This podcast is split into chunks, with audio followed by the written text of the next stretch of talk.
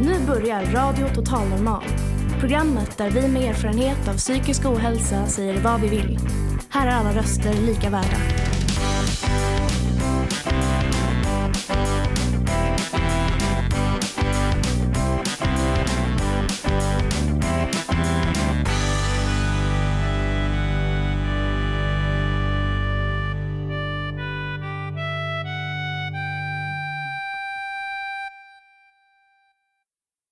Hej och hjärtligt välkomna till Radio Total Normal, ditt psyke i etern. Som vanligt så hittar ni oss på 101,1 MHz i Stockholms närradio. Idag sänder vi som vanligt från matsalen på Fountain House här i Stockholm och framför mig har jag en härlig publik.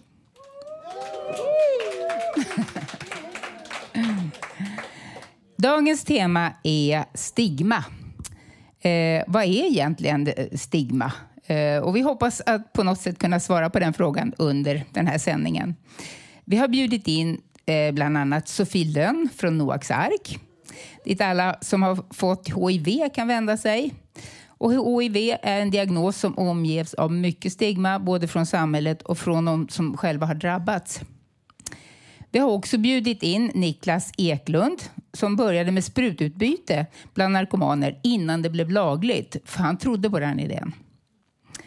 Och så kommer våra medlemmar att tala om egna erfarenheter av eh, stigma, hur de har upplevt det eh, och lite grann om sin egen psykiska ohälsa och sina egna stigma som man lägger på sig själv.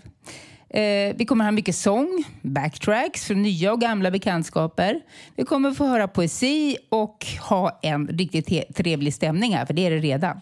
Så varmt välkomna till dagens program. Och jag som är dagens programledare heter Lilian.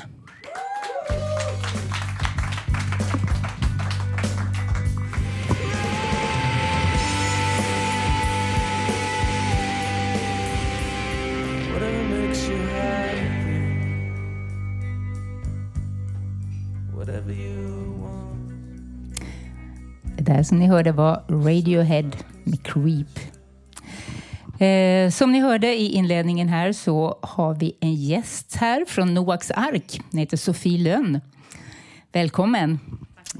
Ja. Jag kommer från Riksförbundet Noaks ark. Okay. Vi har också flera föreningar. Jaha, okej. Okay. Ja. Riksförbundet Noaks ark. Ja. Jättefint. Eh, jag ska låta Staffan, här, en medlem här på huset, och intervjua dig lite grann om vem du är och vad du gör. Varsågod. Innan vi börjar, det här programmet handlar om stigma. Vad betyder egentligen stigma och kan du förklara det utifrån ditt perspektiv? Ja, stigma det är ju faktiskt vår enskilt största utmaning kan man säga. För att det är ju ingen annan jämförbar diagnos som skapar samma sociala stigma och många gånger social utsatthet och social isolering som just hiv. Så att det här är något som vi verkligen fokuserar på. Eh, och det kan ju ta sig olika konsekvenser. Det kan ju vara till exempel att man upplever fördomar i vården. Det är inte helt ovanligt, tyvärr. Det kan vara att man upplever på en arbetsplats. Eh, rent allmänt så finns det ju väldigt mycket fördomar och väldigt lite kunskap om att hiv inte smittar när man medicinerar. Och den kunskapen har ju funnits i ja, 20 år. Men informationen har inte riktigt nått fram. Eh, och det innebär ju då att eh, ungefär 20 procent av de som har diagnos idag de upplever att de kan vara öppna med det medan 80 procent har en väldigt stor oro för att berätta om det för vänner, familj, på en arbetsplats till exempel. Mm. Så att, eh, det kan få ganska stora konsekvenser. Vad, kan du berätta lite vad Noaks ark är för något? Ja, vi jobbar ju dels då, som jag nämnde, att vi jobbar med att informera och höja kunskapen om vad det innebär att eh, ha hiv, men också med prevention. Så vi uppmanar ju till exempel till att man testar sig tidigt, för att ju tidigare man får en diagnos, ju tidigare får man givetvis medicin och äter man medicin så smittar man inte. Och det mesta av allt som man bör känna till det är just dels att det inte smittar givetvis, men också att man lever lika länge och är lika frisk som alla andra. Så det är ju fantastiskt. Mm. Man kan få barn och så vidare. Och det är mer eller mindre inga biverkningar heller. Så att medicinerna har ju verkligen utvecklats något enormt de senaste 20 åren, vilket är ju fantastiskt. Och hur kommer man i kontakt med Noaks ark och vilka kan vända sig dit? Framförallt så är det ju personer som lever med hiv. Eh, alla är givetvis välkomna oavsett, men det är framförallt de vi vänder oss till och anhöriga och närstående. Men vi jobbar ju också till exempel mot sjukvården. Vi har ju olika typer av målgrupper givetvis. Eh, men alla är välkomna och man kan nå oss på till exempel Noaks Ark direkt på telefonnummer 020 784440. Eller så kan man mejla in till oss på info.noaksark.org. Men man kan också hemskt gärna komma till någon av våra föreningar på plats. Vi anordnar ju mycket sociala aktiviteter till exempel och stöd. Eh, man kan komma och prata med någon om man vill det. Men också komma och äta middag och fika och så vidare. Eh, och vi finns ju över Sverige i Luleå, Umeå, Sundsvall, Gävle. Stockholm är den största föreningen. Östergötland, Västra Götaland, Malmö, Småland och Halland. Och vad hjälper ni till med? Ja, som jag sa då, vi fokuserar ju väldigt mycket på grund av just stigmat så fokuserar vi väldigt mycket på sociala aktiviteter. Och det kan ju vara det att man egentligen inte kanske har någon annan att prata med. Eh, därför att man har valt att inte berätta för vänner och familj och så vidare. Och känner att man kan komma till oss och ha en trygg tillvaro. Men också att man kan identifiera sig med samma typer av erfarenheter och ha samma referensramar. Eller att man bara kommer dit och fikar och äter middag och inte pratar om att man har hiv. Men att man känner en samhörighet. Och det kan vara att man kan eh, komma dit eh, vid påsk, jul, man kan gå ut och promenera. Så det är en del. Sen har man också möjlighet att eh, prata med en psykolog eller en kurator om man vill det. Eh, man kan ringa och fråga. Eh, vi har ju många som även är anhöriga som till exempel ringer och frågar till exempel Noaks ark direkt då, eh, om olika saker som rör det här. För att det kan vara så att man även om man kanske har läst till exempel det jag berättade nu om att man inte smittar när man medicinerar så är det någonting som gör att man kanske inte riktigt tror på det. Och så vänder man sig till oss för att man vet att vi är en expertorganisation. Och då känner man sig trygg i det budskapet som kommer från oss att nej men så här är det. Och nu ska vi lyssna på ett inslag från en person som har terapi på Noaks ark. Okej Ted, vill du berätta lite kort din historia? Ja, hej, jag heter Ted och är en dubbeldiagnos. Då. Det betyder att jag har både psykisk åkomma och eh, beroendesjukdom. Men jag hade en vanlig uppväxt, landställe och allting. Sen eh, så eh, blev jag missbrukare ändå. Min, eh, min favoritdrog sen i slutet var amfetamin. Sen blev jag nykter och drogfri, var det i sex och ett halvt år. Så jag började jobba. Jag tog flera utbildningar. Jag läste in hela gymnasiekompetensen, tog körkort, eh, betalade av alla mina skulder. Blev en vanlig medborgare helt enkelt. Eh, jag ljög mindre än vad jag någonsin hade gjort. Och ehm, eh, det viktigaste var väl att jag var ärlig mot mig själv. Men sen eh, så kom den där eh, oärligheten in eh, smygandes ändå. Sen var återfallet ett faktum. Och eh, den här gången så var det ett kraft, kraftigt återfall. Jag injicerade amfetamin hemma jag blev av med körkortet i två månader. Så efter återfallet så gick det två månader eller någonting. Eller en månad gick det. Och sen gick jag och gav blod igen. Så jag, jag, var, jag var blodgivare. Men då fastnade det där finmaskiga nätet och jag, då fick jag en till diagnos på... Jag fick hiv. Det krånglade ju till saker för mig. Liksom att det blev... Eh, jag trodde ju aldrig att jag skulle få hiv alltså. Men ja, jag tänkte då efter då när det, att du tog det här återfallet då, att du förlorade ditt körkort och, och fick hiv och allting. Hur, hur kändes det? Jag tänkte just från att ha, du var ju lite av en sån solskenshistoria att det gick så bra för dig trots ditt tunga missbruk och sen hände det här. För jag träffade dig då och då kändes det som att, ja. Ja men det kändes ju tröstlöst. Det fanns inga hopp. Man hade förlorat all tillit till det man hade förlorat egentligen allt i, form av tillit som man hade byggt upp på den här egentligen perioden. Men just det, när, man, när, det, när det var ett faktum att ja, nu har jag fått den där diagnosen också. Jag måste, ja, jag måste börja med medicin, en annan medicinering hela livet. Men jag fick just den här biten med mm, hiv. Jag fick, alltså, jag fick en ganska bra backning från vården där faktiskt på en gång. den uppbackningen från vården, det var en ödmjuk, eh, ödmjukhet i den, just den, eh, i den diagnosen. Mm. Jo, för jag tänkte det att det är ju en stigmatiserad diagnos att acceptera. Mm, ja, ja. Så det var en väldigt ödmjuk um, ödmjukhet jag fick i, i kontakten av den, just den eh, vården. Men eh, till, för tillfället måste jag äta min, min hiv-medicin resten av livet. Och eh, bara genom att jag, att jag äter min medicin så har jag ett smittfritt hiv.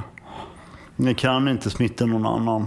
Men eh, hur är det ändå? Har du, går du ut och säger till folk att du har smittfritt hiv? Eller, för jag tänkte, hur är det när man säger det? Hur reagerar folk? Nej, det är, det är, fortfarande, det är fortfarande stigmatisering. Mm. Så det alltså jag, går inte, jag går inte och frontar med det så ofta. Det gör jag inte. Eh, när jag kommer ihåg när jag sa det till mina, min familj att jag hade hiv. Eh, det var inte, det var inte så här... Det var mycket rädsla. Eh, några av mina familjemedlemmar blev arga. Och andra blev så här, nej, du får ta hiv. Eh, de trodde det var en dödsdom på en mm. gång. Liksom. Och andra i familjen, de känner, jag känner ändå fortfarande att jag vet inte om... Jag vet inte om vissa tycker att det är lite smutsigt fortfarande. Som inte har den informationen som, som äh, vi, vi har, alla har egentligen idag. Att det är som den här filmen Torka aldrig tårar utan handskar. Det är inte så det är liksom. Nej. Nej, och det känns som att inte folk har den informationen. Mm. Så att det borde ju... Mm. Och jag menar också, det är inte...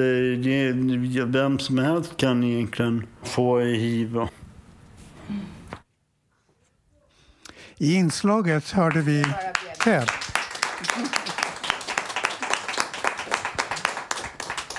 I inslaget hörde vi Ted och intervjuade gjorde Malin och klippning gjordes av Anders.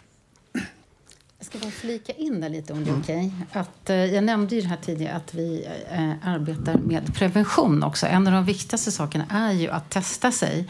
Och de flesta av mina föreningar kan man ju komma och testa sig. Och det går väldigt fort. Man får ofta svar inom 20 minuter, till och med kanske ännu snabbare. Till skillnad mot för 20 år sedan så var det ju en helt annan sak. Men för att koppla ihop det här då, eh, lite grann med stigma och det han sa, eh, så kan det också slå åt andra hållet. Eh, att eh, dels att man så att säga, ur ett samhällsperspektiv tittar på folk som lever med hiv som att ah, du måste ha levt som en, en, risktagare. Att det finns mycket fördomar kring det. Eller att alla kanske har hiv. Det är liksom på samhällsnivå. Men också att det händer faktiskt att personer kommer och vill ta ett tidstest som inte får det för att man anser att du är inte eh, en riskgrupp och därmed nonchalerar man det. Eh, och vi vill ju givetvis att folk ska testa sig för ju tidigare får diagnosen ju större chans har du att leva ett friskt och bra liv och du smittar inte heller andra. För att man är ju som mest smittsam i början när man, blir, när man får hiv. Um, och när man oftast inte vet om det heller. Så att det är jätte, jätteviktigt just det här med testningen. Och det jobbar ju vi också aktivt med. Med till exempel en kampanj som heter Stick i fingret. För att uppmuntra till det. Ja, du kanske vill fråga någonting innan jag går igång igen? Ja, hur är det att få hiv nu på 20-talet idag? Ja, eh, som han var inne där på så, så tror jag att många eh, på grund av den okunskapen som finns, så många blir rädda i början. Men när man väl har kontakt med vården så blir man lugnad. Och det finns väldigt mycket bra vårdkontakter, inte minst Huddinge sjukhus till exempel, eller Venhälsan på SÖS. Så att jag tror att när man väl har kommit över den här som för många kanske är en initial chock så inser man att medicinerna är så fantastiska. Så att ur det perspektivet oftast inga biverkningar och så vidare. Men det är ju en process man går igenom. Och i den processen så kan det, apropå det här med stigmat, det kan ju handla om allt ifrån ett självstigma, han var lite inne på det också, att man ser på sig själv som en dålig person, jag får skylla mig själv, jag är fara för andra, jag är inte värd att önskas jag kommer att bli behandlad annorlunda. Och det handlar ju också om förväntade, förväntad stigma.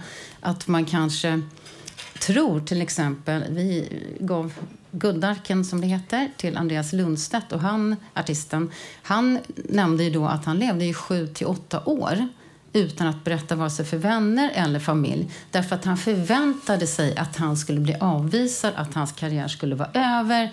Ingen skulle tycka om honom. Och sen när han tyvärr blev outad då av en journalist så tog han mod till sig och tänkte jag vill ta mitt eget narrativ. Så han bokade möten med alla sina vänner. 100 procent bra bemötande bara. Så där har vi ju en solskenshistoria. Det finns ju andra som inte har samma solskenshistoria. Sen har du ju det här upplevda stigmat. Eh, och det kan ju vara allt ifrån eh, släktingar som tar avstånd eller um, ja, att det bra, eh, jobbet är ju i och för sig svårt, men jag har hört talas om det i, vårt land. Jag har hört talas om det.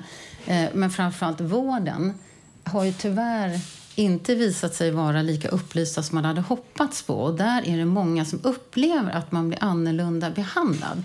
Och det kan ju få väldigt stora konsekvenser för att man kanske väljer att inte gå.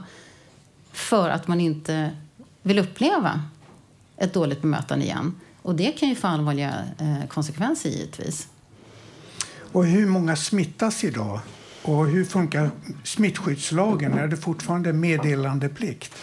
Ja, ungefär i Sverige, så har det tydligen varit de senaste 40 åren, att i Sverige så är det ungefär mellan 300 och 400 personer som smittas per år. Eh, och det är, man kan säga att det är ungefär en person eh, om dagen. Sen är det bara ungefär eh, 12 procent som smittas i Sverige. De flesta smittas, majoriteten smittas på resa. Ändå att man åker hem till sitt hemland eller att man åker kanske på en partyresa, Amsterdam, Berlin, Thailand och så vidare. Eh, så att nu när sommaren kommer, man var lite extra försiktig. Ha kul, men gärna använd skydd, är alltid bra. Eh, så att eh, den siffran har varit konstant kan man säga. Och det som gäller nu då, eftersom medicinerna är ju så fantastiska med tanke på att det inte smittar, så har du en välinställd behandling, vilket ju de flesta har givetvis, så behöver du inte säga till om du ska ha sex med någon till exempel. Eller om du ska ta en vaccinspruta eller ta ett stick i fingret. Och eh, vad är det personer med hiv mest rädda för? Vad frågar de mest om? Ja, det är ju det här sociala stigmat. Att mm. man är orolig för att bli avvisad och helt enkelt socialt isolerad. Därför kan det ju finnas personer som lever med hiv som har valt att inte ingå i en till exempel romantisk relation därför att man, man orkar inte med ett eventuellt avvisande. Och det är ju oftast det som man är mest rädd för. Mm. Ja, eh, tack så mycket Sofie. Tack så hemskt mycket för att jag fick komma.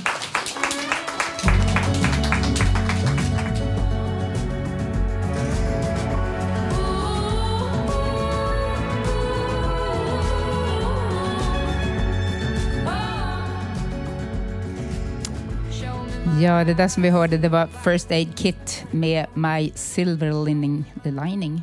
Någon som vet? Linning eller lining? ja, svävar lite på målet där. Men i alla fall, så nu ska vi gå över till Lasse här. Lasse Musketör. Eh, och det låter ju jättespännande. Han har varit här förut en gång. Eh, men eh, han, han alltså, vad säger man, frontar en, en eh, förening då som, som jobbar för att folk ska slippa utanförskapet och ni hjälper också till med myndighetskontakter och sådär. Ja, det stämmer bra det. Vi guidar folk som eh, kommer från utanförskap och guidar dem in i myndigheternas alla ja, sociala och arbetsförmedlingar och ja, vad det nu kan vara. Eh, sjukhusbesök, kanske gräva någon lägg eller sånt Ja. Jätteviktigt arbete för att det kan man ju krokna på redan i starten annars det är så många som man blir slussad hit och dit och får aldrig tag på rätt person och till slut gör man upp nästan.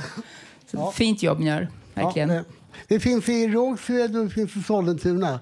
Jag har hållit på en 10-20 år, det är någonstans beroende på. Och, eh, ja, det, det, det är en schysst förening. Det är en schysst mm. förening.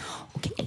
Eh, förra gången du var här, då sjöng du en låt Ja, det gjorde jag. Jag sjöng en som heter En för alla, alla för en. Okej. Okay. Och det är en podd som vi ska starta med Musketörerna här. Ja, vi ska börja spela in nästa vecka för att se när programmet sänds.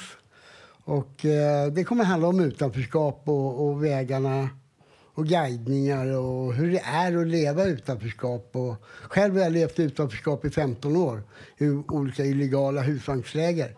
Lite romantik, men väldigt mycket hopplöshet också. Vad kommer podden att heta? Den kommer att heta En för alla, alla för en. Okej. Ja.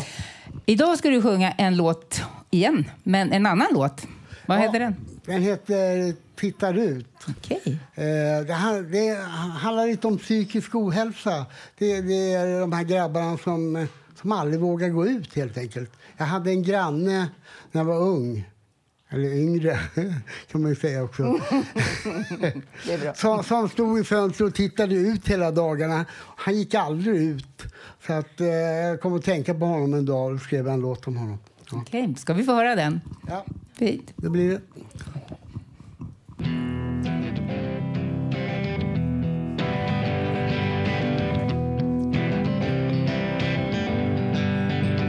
Jag lutar mig ut från rutan. Jag vill luta mig ut. Jag öppnar mitt fönster för att få en glimt när du går ut. Kan du se mig stå i fönstret? Kan du se mig luta ut? Jag är grabben som aldrig någonsin gått ut. Vi flyttade från landet, vi flyttade in till stan. Pappa hyrde en lya som låg högt upp i Gamla stan. Ja. Där bakom mitt fönster står jag, men jag vågar inte gå ut. Bakom mitt fönster står jag och tittar, jag bara tittar, tittar ut. Bakom mitt fönster, ja där står jag, men jag vågar inte gå ut. Bakom mitt fönster står jag och tittar, bara tittar. Jag tittar ut.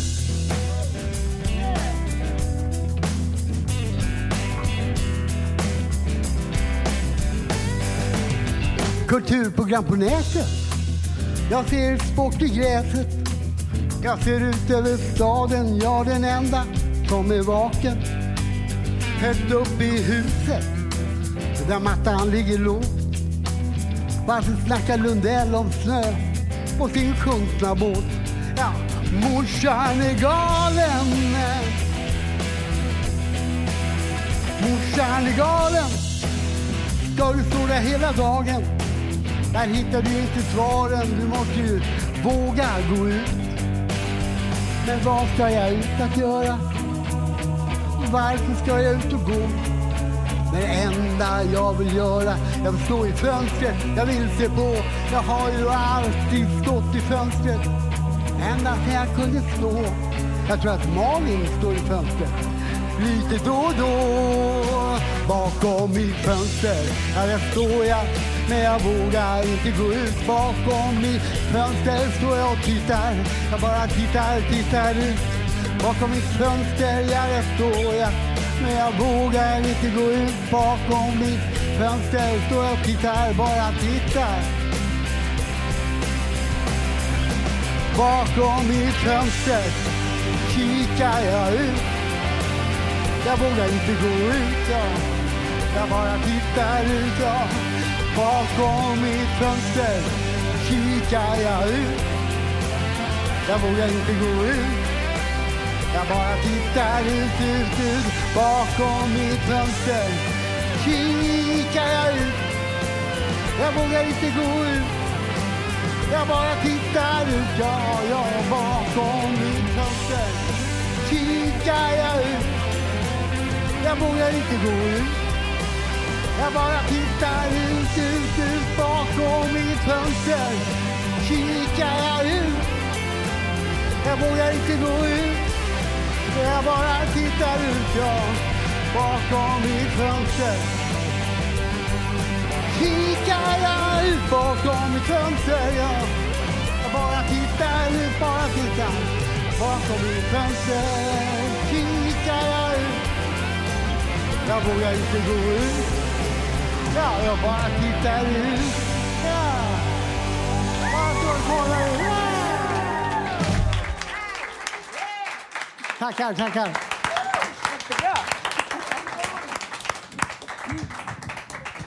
Oj! Vilken höjdare, hörni. Ja. Eh, det var alltså Lasse Musketör, om det var någon som har glömt. Eh, nu ska vi träffa en, en annan, vad säger man, eh, människa. I brist på ord. En gäst som vi har fått in. rövare. En gammal rövare, säger han själv. Det, ja, det får stå för dig. eh, du heter i alla fall Niklas Eklund. Ja. Japp. Och du är ordförande Nej, i... jag har varit ordförande men jag har blivit så gammal vet du, så att Okej. man måste låta lite nyare krafter komma. Så nu, nu sitter jag bara på en vicepost. Okej. Men vice ordförande då i Brukarföreningen i alla fall. Ja. Och, Eh, och den, vad ni håller på med där, det, det, ni började i alla fall med ett sprututbyte Ja. för narkomaner innan Ja, det var lagligt? riktigt, så började Nej. inte. Det, det började som en förening för... Eh, på 60-talet här i Sverige så kom man på att eh, man kanske skulle prova. Och väldigt många dog ju av eh, narkotika, speciellt opiater. Eh, vi hade ju inte heroinet än, det hade inte kommit till Sverige. Men fortfarande fanns det andra typer av liknande medikamenter. Och folk dog och Ulleråker sjukhus började då med någonting så kontroversiellt som att ge narkotika för att behandla narkotika. Från, från, från behandlande... Man ger narkotika för att folk ska låta bli illegal narkotika. Ja, ja, okej, yes. Och det var då metadonprojektet och det där skrevs ju ner och det var ju folk la sig in och var idiotförklarar. Allt. Du, du är dum i huvudet, narkotikan har tagit det och så vidare. Så det var ett gäng som tyckte nej men nu, nu räcker det va. Och så startade man föreningen, det var faktiskt 2002, i bakluckan på en stulen bil. Okej. Eh, föreningen har ju som Jag tyckte sagt... det var lite tyst där tyckte jag. Ja, men jag, ägaren kanske kommer någon av man vet Ja, det, det gick bra i Eh, alla fall. E- Efter eh, några år så fick vi en lokal nere i slakthusområdet. Och då delade vi på oss till en, någonting som heter Svenska Brukarföreningen och någonting som heter För- Brukarföreningen Stockholm. Okej. Då kom hiv-vågen. Vad sa du att det här var från? Var 2002? Där, där, där, eller? där, där är alltså... måste vara tidigare tycker jag. Hiv-vågen kom ju slutet av 80-talet. Ja, ja precis. Men, men eh, däremot i gruppen injicerande narkomaner var den lite senare. Okej. Det, det, det, det är därför eh, exempelvis Torka utan tårar, man pratar aldrig om narkomanerna och man pratar bara om de homosexuella männen och så vidare. Eh, för att slippa få det här så är ju en ren spruta ga- ganska... Ja, det, det, det, liksom, det, det måste man ju ha helt enkelt. Plus att sticka som en slö spruta, det ger en massa andra problem. Eh, så att eh, vi försökte väl på något sätt få till det där, men det var ju förbjudet på alla sätt. Jag menar, på, lagen sa man fick inte göra det, man fick inte göra det. Det, var väldigt krångligt och vi tänkte att det skiter vi i. Så vi helt enkelt fick upp från vår systerförening i Danmark små påsar innehållande injektionsverktyg, vatten, en liten kokare och ja, vad man nu behövde för, för sin dagliga injektion. Så att säga. Och, eh, vi Så ni satt och rengjorde de här sprutorna? Nej, nej, nej, nej. nej det gjorde ni. Ni fick rena sprutor? Ja, självklart. Ja, ja, jag tänkte. liksom, Eh, vatten och ja, det, det, det är så självklart. Kan jag säga. Sverige är det enda landet i Europa där man inte kan gå in på apoteket eller gå någon annanstans och köpa en spruta. Det är bara Sverige, det finns ingen annanstans. Det är enbart- Hela Europa? I Wow. hela Europa. Eh, I världen är det några få länder till. Till och med när man skjuter folk i Filippinerna får man köpa sprutor. Jaha. Men eh, Oj. Vi tyckte nej, nu, det här får vi ändra på. Så några från föreningen gick upp till polisstation och helt enkelt anmälde oss själva. här, jag ger, varsågod. Titta här nu polisen, hallå! Titta. Och polisen tittade åt andra hållet, ville inte se. Äh. Men var ju tvungna till slut att eh, ta upp en anmälan och gick till åklagaren. Och åklagaren kunde ju inte hitta riktigt vad det var som var förbjudet. Sjukvården fick inte göra det, de fick inte tjäna pengar på det. Men de som skriver lagar tror inte att det finns någon idiot som skänker bort något. va? Nej, nej. Men det var vi. Så att på det sättet har har vi då klarat oss. Och det började med... I början kanske det var tio som kom eller någonting om dagen eller någonting sådär. I slutändan när, innan sprutbytet öppnade här i Stockholm, det, som nu finns på Sankt Göran, eh, så hade vi 110 betal, besökande gäster om dagen. Okej. Och då, då har ni ändå inte liksom fått något straff. Och det här är ju, det, det ni gör nu, det är ju civil olydnad. Men det är ingen... Det, det, är det inte det? Det är inte det längre, Men det tror var de. det då? Ja, lite sådär. Alltså, EU-lagar är ju... Alla EU-lagar hatar vi, men det här ska vi vara glada för att här, här vet ingen vem som bestämmer över vem. Mhm, okej. Man får inte köpa, man får inte sälja. Men där är återigen bort. ge bort. Ifrån. Och jag har ju varit med andra saker också likadant. Men det är inte bara sprutbytet utan det har varit Naloxon, det är ett motgift mot heroin som om du har det sprutar i näsan på den som får en överdos. Så vaknar överlever han. han. Ja, precis. nej, han överlever inte. Han vaknar ur döden. Okej. okej. Och det, det är faktiskt någonting att få vara med om som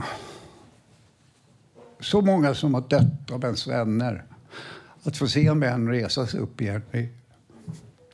Ja, det är väldigt speciellt. Ja, Så vi började tjuvimportera det, smuggla. Eh, vi har jobbat med psykisk ohälsa. Vi har bråkat väldigt mycket med de olika institutionerna som finns. För det är ju så att råkar du röka hasch på fredagarna, vet du, då, kan, då kan du inte gå in och vanlig psykiater. Nej, nej, nej, nej, det går inte. Det är knarkare, förstår du. Inte för att jag tror att alla knarkare har psykisk ohälsa, men, men Nej, det finns men- ändå en koppling däremellan. Ja, ab- absolut. Varför man den, använder den, den, har blivit, den har blivit värre och värre. När, när jag började 1968 då gjorde man ju det för att vara kul.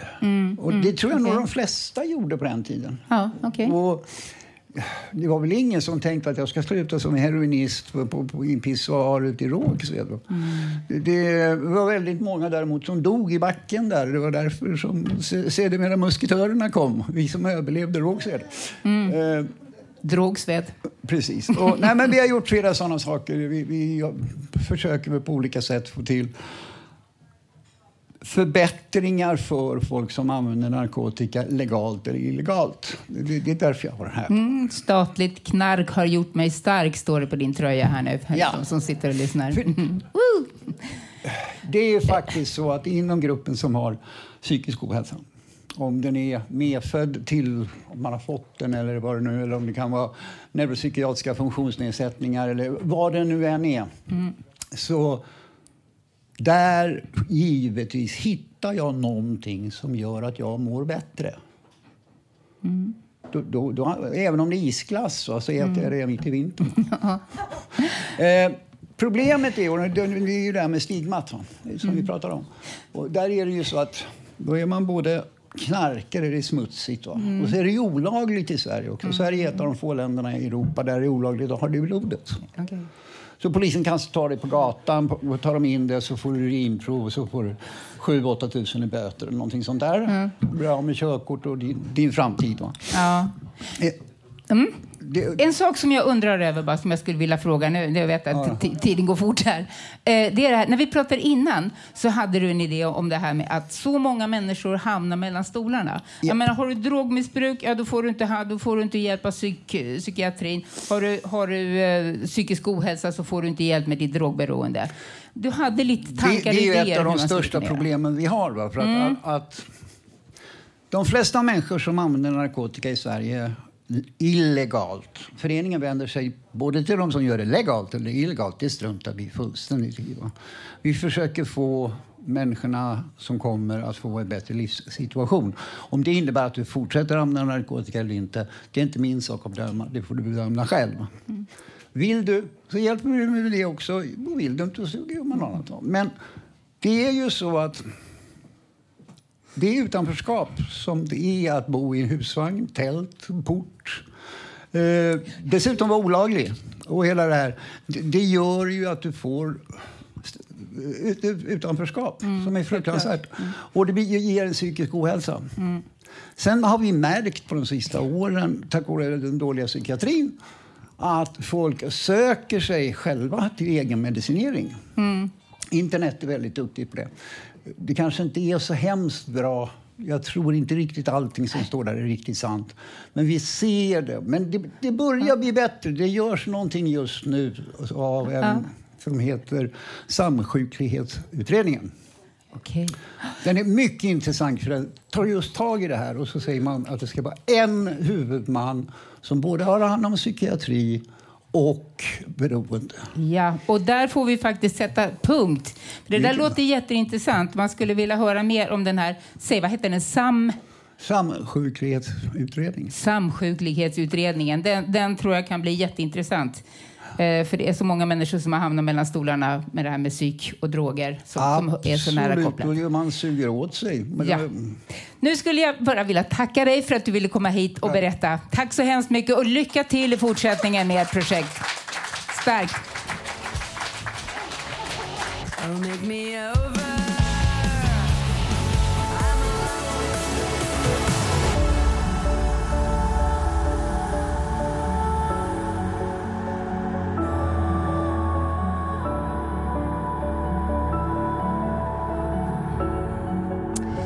Ja, vad var det där för låtar då? Eh, den sista var i alla fall On My Mind med Farius och innan det så hörde vi Celebrity Skin med Hole. Och nu har vi en sångerska här bredvid mig som heter Sarri. Jag har hört henne förut och ska få höra henne sjunga idag igen. Varsågod Sarri. Eh, först vill jag bara tala om att jag har en konstutställning på Bondegatan 13 på Café Louie Louie till och med sista april. Och nu ska jag sjunga låten Lady med Wayne Wade.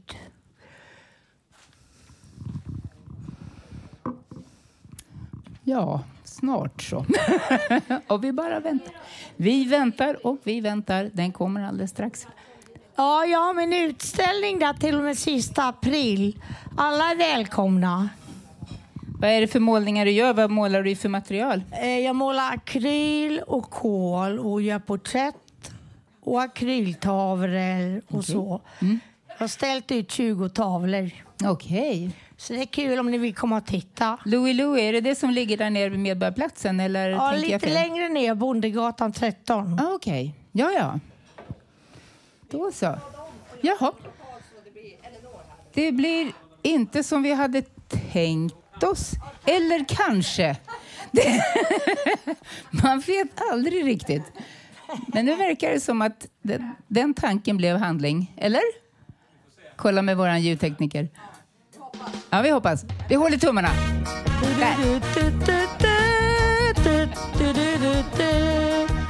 Ljud på den här. Lady, I'm your knight in shining armor and I love you. You have made me what I am and I'm yours. Ljud Malin, my love. There's so many ways I want to say I love you. Let me hold you in my arms forevermore.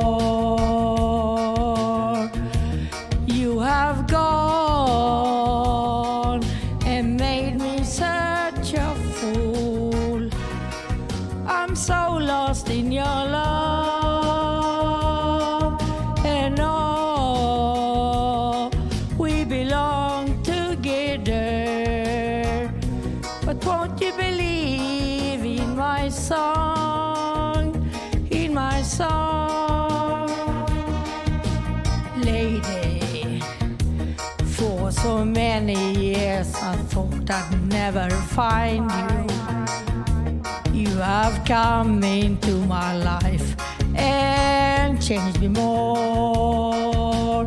Do, do, do, do, do, forever. Let me see you wake each and every morning. Let me hear you whisper something in my ear.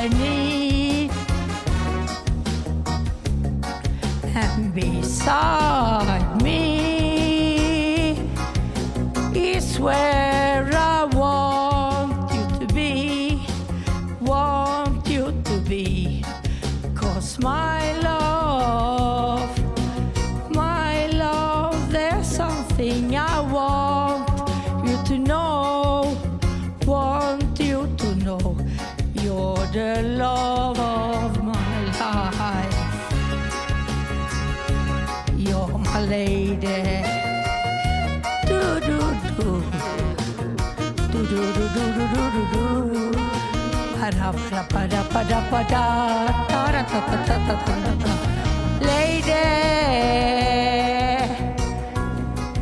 Your love's the only love I need. And beside me is where I want you to be,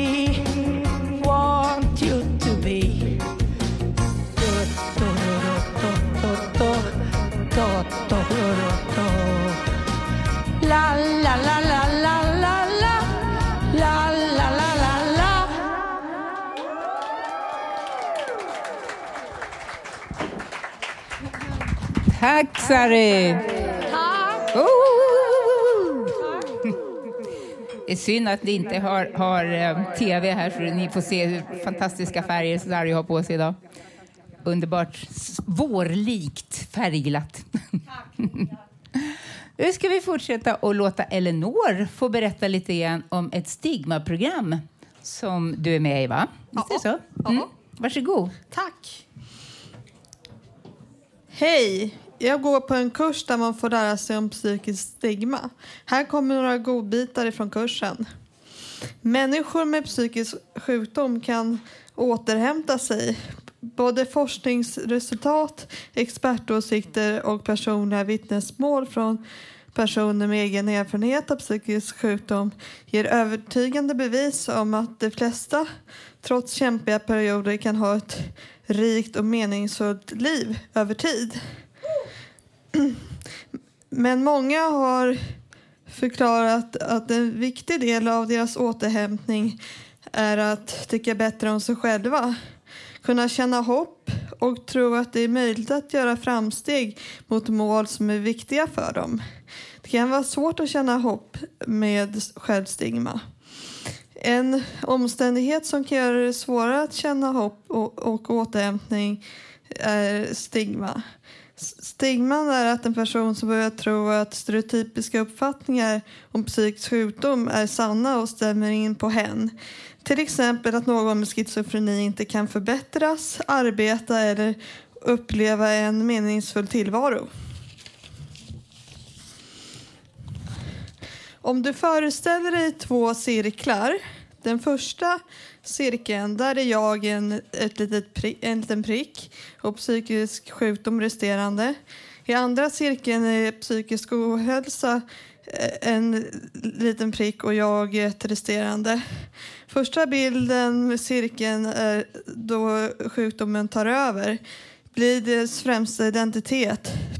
Begränsningar och andra roller i livet, till exempel att vara en vän, en förälder, en arbetstagare, en idrottsman eller kvinna, föreningsmedlem eller volontär.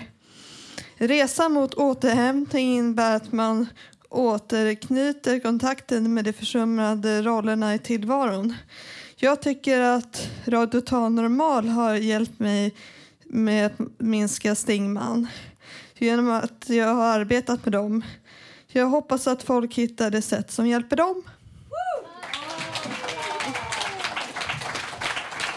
Tack Elinor. Tack så mycket. Det där lät som ett jätteintressant program. Det är så lätt att stigmatisera sig själv. Eh, så, en liten låt på det.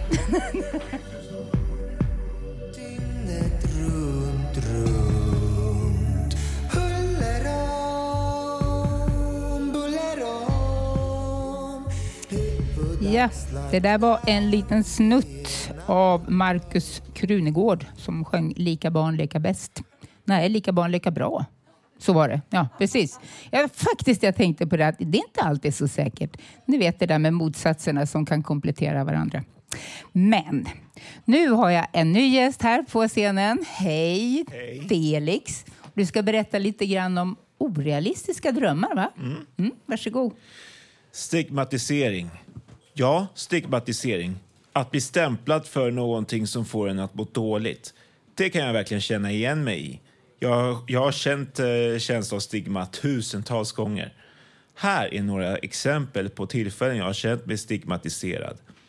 Under våren 2023 så har jag gått igenom en personlig utveckling där jag har blivit medveten om vad jag har haft för låsheter och vad det var som jag har varit rädd för här i livet. 1 av rädslorna jag har haft i mitt liv har hängt ihop med stigma. Det är att omgivningen gör en förlöjligad bild eller en förminskning på något av det liv som jag drömmer starkt om att få leva och har en, har en extremt stark längtan till. Att folk skulle uppfatta mina drömmar om liv jag vill leva som orealistiska och alltför svåra för mig att uppnå. Jag vet om att jag har en autismdiagnos. Jag vet mycket väl om att min, mitt handikapp och dess begränsningar. Jag har varit senutvecklad och jag vet vilka utmaningar det har ställts för mig när det kommer till att försöka leva ett liv som jag vill ha. Trots min autism har jag velat ha en självklarhet till att få vara en del av samhället. Att kunna få umgås med alla typer av vänner på fritiden. Att utbilda mig till det jag vill. Att få jobba med det jag vill jobba med och att bilda familj med en tjej här i livet. Mitt sätt att vara autistisk på har avgränsat mig från att ha en självklarhet till att få vara en del av samhället på det sätt som jag vill vara. Jag har mött på massor av människor som har undrat och frågat om saker som får mig att kasta mig tillbaka till känslan av, känslan av stigma. Frågor om det kanske vore bättre om jag hade gått i särskola och hade sluppit kämpa så hårt i den vanliga skolan och fått ett bättre samspel med andra på autismspektrum är otroligt irriterande.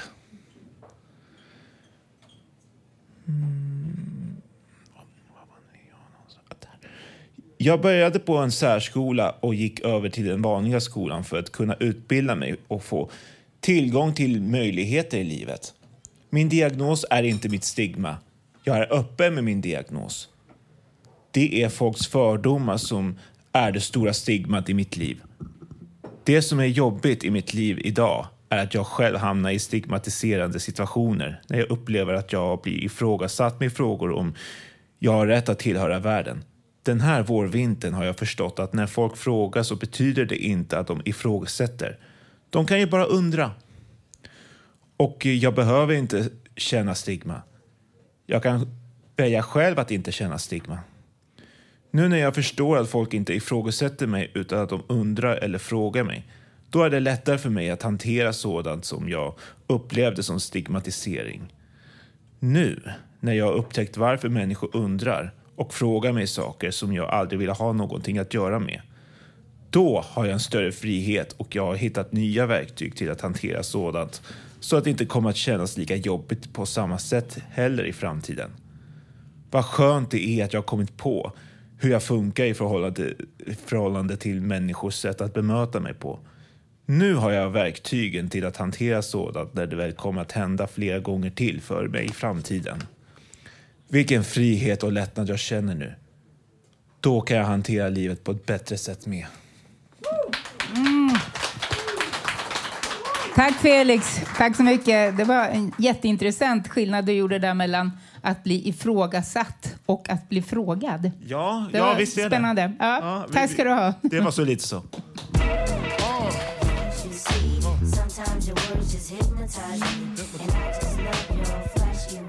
Ja, om ni vill lyssna mer på den där låten så får ni kanske gå in på Spotify eller någonting sånt där och lyssna på Hypnotize med The, the Notorious B.I.G.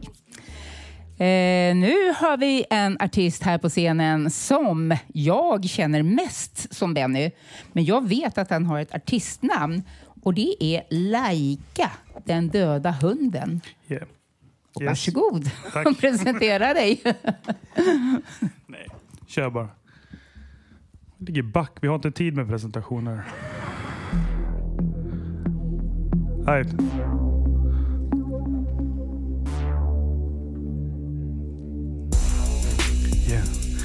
en fråga. Är det bara ett spel för er? Alltså så att det bara är ett spel för er, för i så fall. Låt mig sjunga dig en skröna från den döda hunden som blev sitt lord efter att han mördat ungen. Jag ber om ursäkt att jag stör det sköna lugnet. Måste skrika ut mitt liv i slut i gröna djungeln. Försöker döva ungen. Jag kan lösa kuggen, slå mig själv i pungen, avstå från det söta flummet mitt i mitt lördagsskrubbel. Hur förgör jag trubbel? Jo, det här är mitt beslut. Vi måste kröna kungen. Jo, mitt namn är Laika, jag är bidragsberoende. Precis som mina polare som också saknar boenden.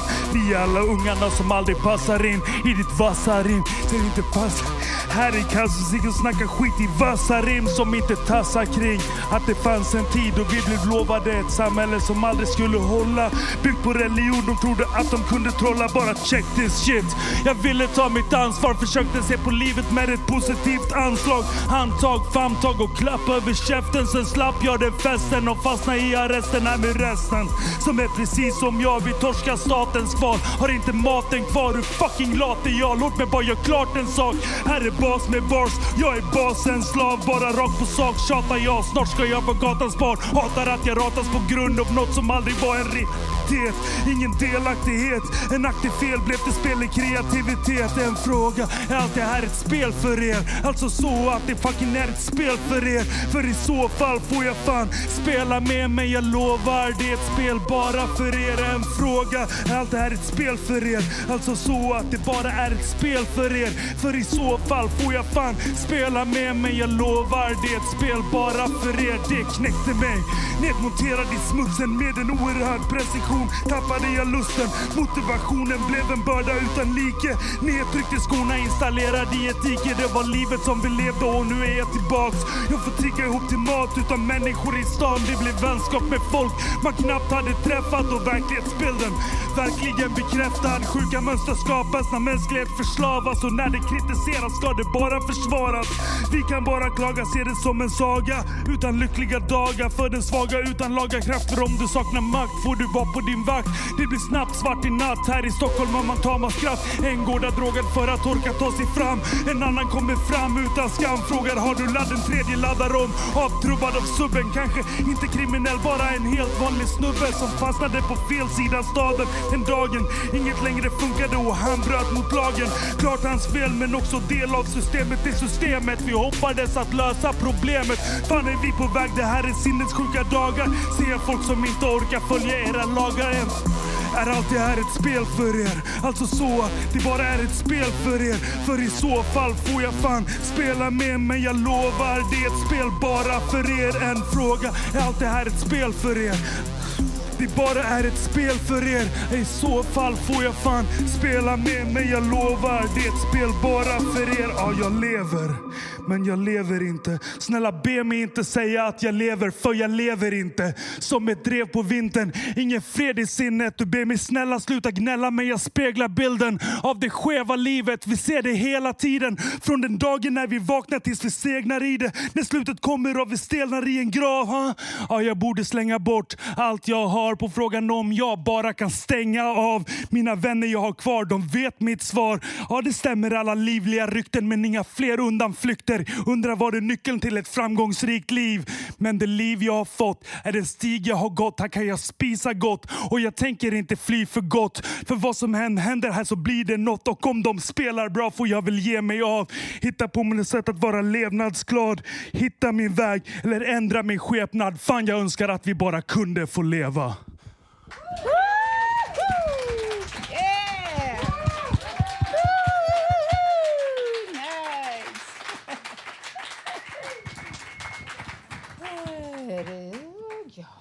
Okej, så var det med det. Jag blev lite tagen av den här låten. Den var ju grymt bra alltså.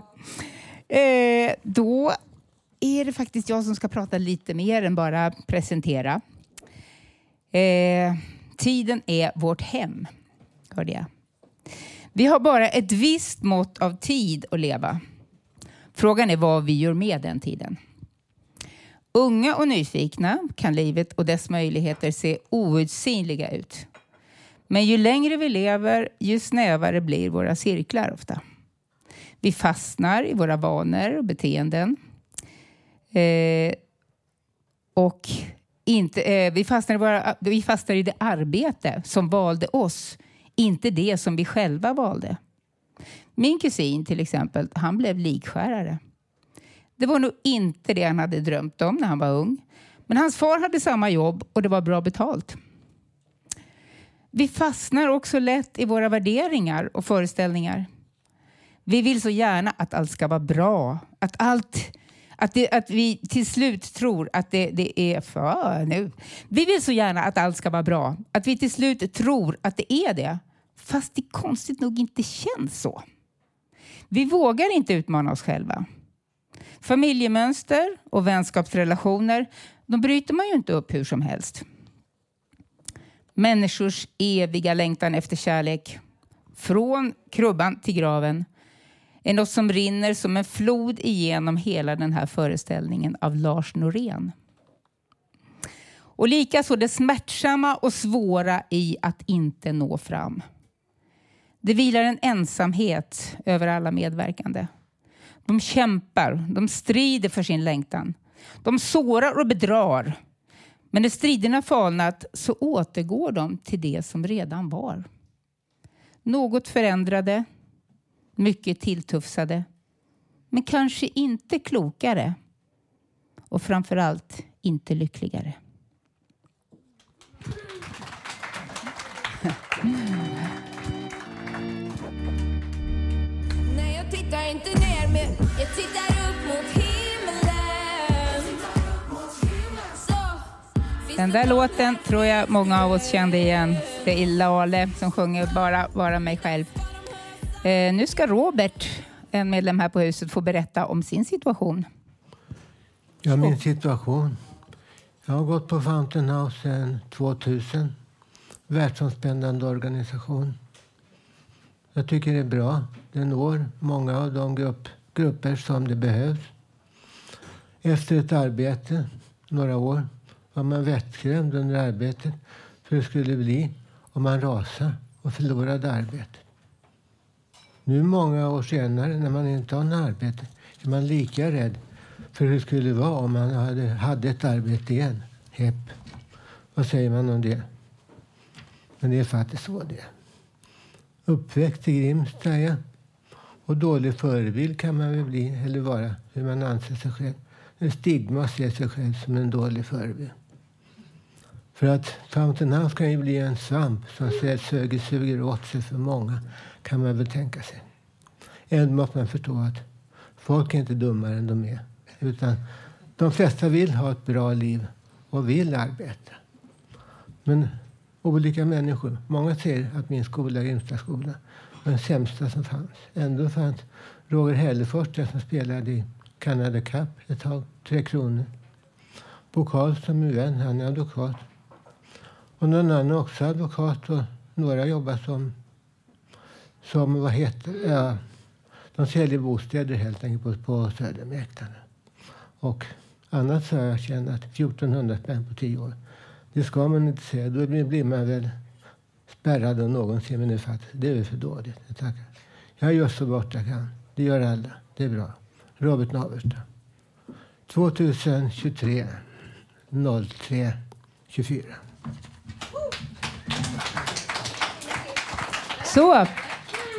Och direkt på det så kommer vi att få höra lite grann om Nickis syn på stigma, tror jag. Eller hur? Just det. Ja. Ja, se vad jag säger. Jo, jag kommer prata om hbtq, stigma och självstigma runt Mm. det. Yes. Lite min uh, upplevelse. Mm. Okej, att växa upp i en liten stad med fler sökare än människor var en minst sagt repressiv plats. Jag kände mig som den enda gay in the village. Jag håller in en skämlig, smutsig, smutsig hemlighet. Och även om jag visste att det var, det var min sanna identitet, identitet var det skrämmande och omöjligt att bara leva mitt liv i lycka. Det känns förbjudet att tillåta mig själv att ha tro, känslor och självuttryckt.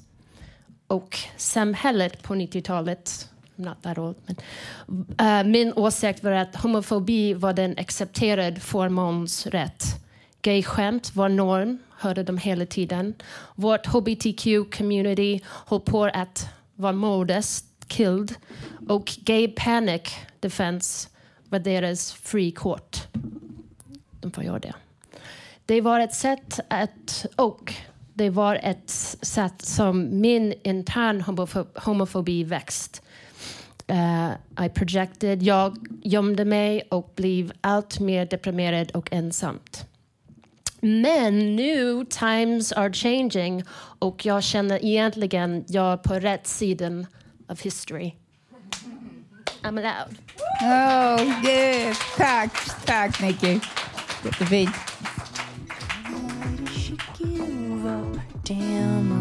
I've got two tickets to Iron Maiden, Ja, det där var Weeches med Teenage Dirtbag. Eh, nu har vi en, en poet. Vi har poetiska po poesirummet har vi öppnat nu. Och, och eh, vi kommer få höra ett par medlemmar läsa sina dikter. Och den första som kommer göra det, det är Yasin. Han har skrivit en dikt som handlar om kärlek och sorg, tror jag. Varsågod. Ja, det stämmer. Okej. Första gången jag såg dig så stötte jag på dig. Jag gav mitt lilla hjärta bara för dig, men fick ingen kärlek. Jag frågade varför, men fick inget svar. Du bara vände ryggen och gick därifrån. Det kändes så tungt när du lämnade mig. Det enda jag ville var din kärlek kunde få. Jag kunde inte låta bli att tänka på dig. Ögonen öppna hela dagen efter dig. Jag hoppas du får skuldkäns- skuldkänslor när du tänker på mig. yeah! Okej. Där fick hon. nu ska vi få höra Stefan läsa en dikt som han har skrivit, tror jag. Ja, välkommen. Tack.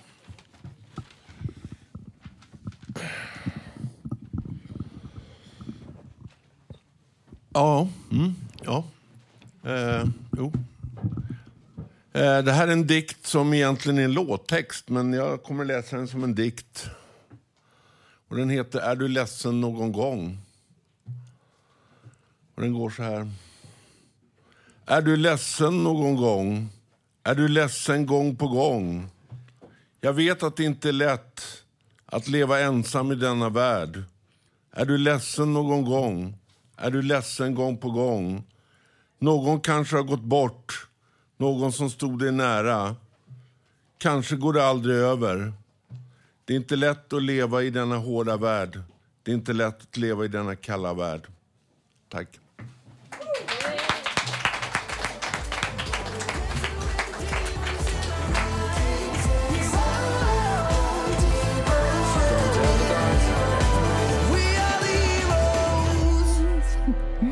Yes.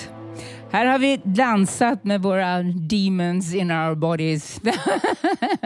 Måns Zelmerlöw med Heroes förstås.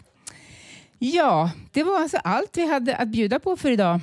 Och nästa livesändning kommer att bli redan den 30 mars. Det är alltså om en vecka.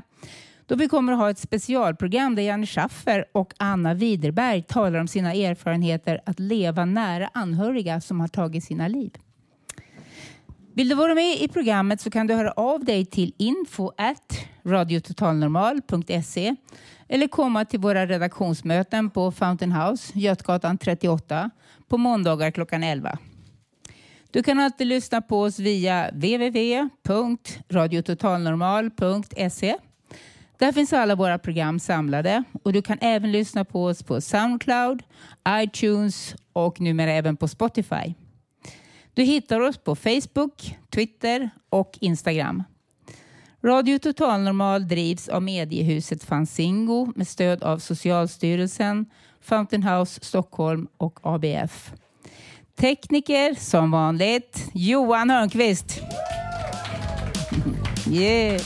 Producent, the one and only Malin Jakobsson. Och jag som har varit dagens programledare heter Lilian. Tack allihopa för att ni har lyssnat.